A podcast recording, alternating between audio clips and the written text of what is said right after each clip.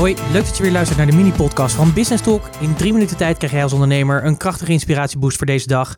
En de boost die ik je vandaag wil meegeven is: soms zit het mee en soms zit het ook tegen. En dat ken je waarschijnlijk wel, want je bent gewoon lekker aan het werk en dan gebeurt er in één keer iets waar je eigenlijk helemaal niet op zit te wachten.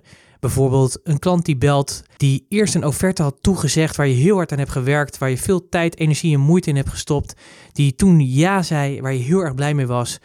En die dan toch de volgende dag terugbelt en zegt: Ja, we hebben er toch nog eens over nagedacht. Of er is iets gebeurd bij ons waardoor we hebben besloten om het toch niet te gaan doen. En daar kun je natuurlijk enorm van balen.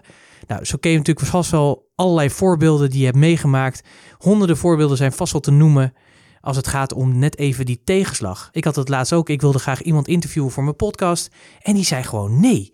En daar baalde ik gewoon van, want ik dacht van ja shit, weet je, die vind ik gewoon echt heel interessant en die wil ik graag gewoon met jou delen. Dus dat leek me heel erg gaaf. Maar ja, soms zit het mee en soms zit het ook tegen. Maar om heel eerlijk te zijn zit het vaker natuurlijk mee, want dat is natuurlijk ook het mooie van ondernemen.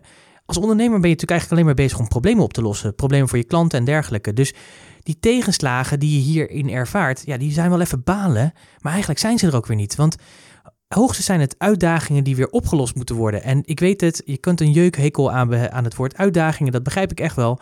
Maar als ik kijk ook naar degene die ik graag wil interviewen, ik ben echt bezig met een plannetje om te zorgen dat diegene toch ja gaat zeggen. Ik ben daar wel aan het over nadenken, want een nee is natuurlijk niet altijd een nee.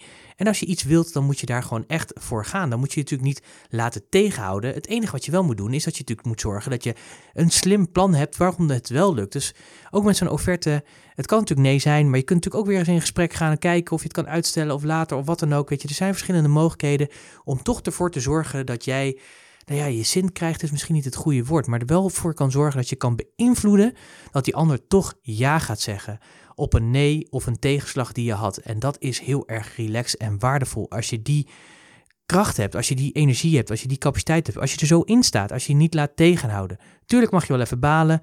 Dat heb ik ook. Ik ben ook gewoon mens, weet je. Als die gewoon nee zegt, dan baal ik daar ook van.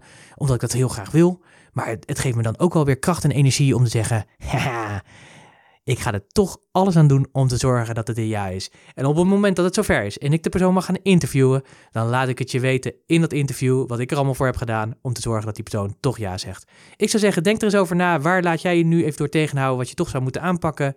Ga daarvoor in de actie. Neem anders een andere ondernemer of een even mee. En kijk zeg maar waar jij een plannetje kan smeden om toch die ja te krijgen. Ik wens je er heel veel plezier bij en ik spreek je graag weer morgen. Tot morgen.